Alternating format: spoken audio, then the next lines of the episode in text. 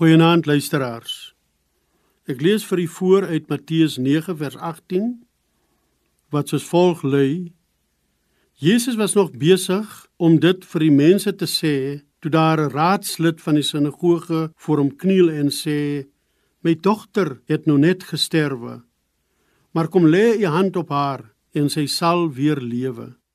'n Merkwaardige aspek van die evangelies is dat mense van wie verwag sou word dat hulle beter as wie ook al hulle vir die evangelie sou oopstel, baie maal weggeloop het van Jesus.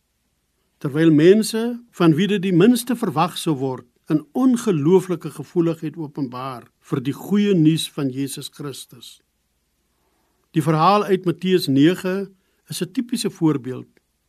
Hier is 'n hooggeplaaste man wat een of ander belangrike posisie in die sinagoge bekleed het, wat homself voor Jesus verneder met 'n dringende versoek. Uit sy knielende houding voor Jesus kom daar enkele belangrike momente na vore.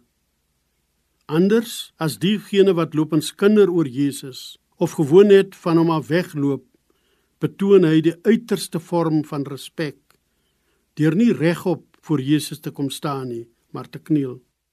En om duidelik te maak dat sy houding nie maar 'n uiterlike vorm godsdienstige handeling is nie. Openbaar hy 'n verstommende geloofsvertroue. Daar ontstaan 'n moment van intense erkenning dat die een na wie hier opsien inderdaad die Messias is.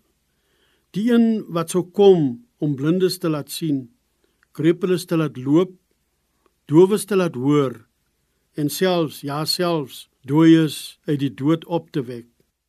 Wie met Jesus in aanraking kom, sal lewe.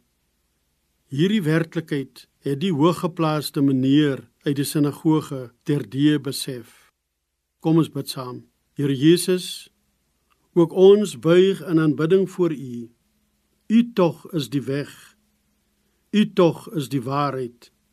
En U tog is die lewe. Amen.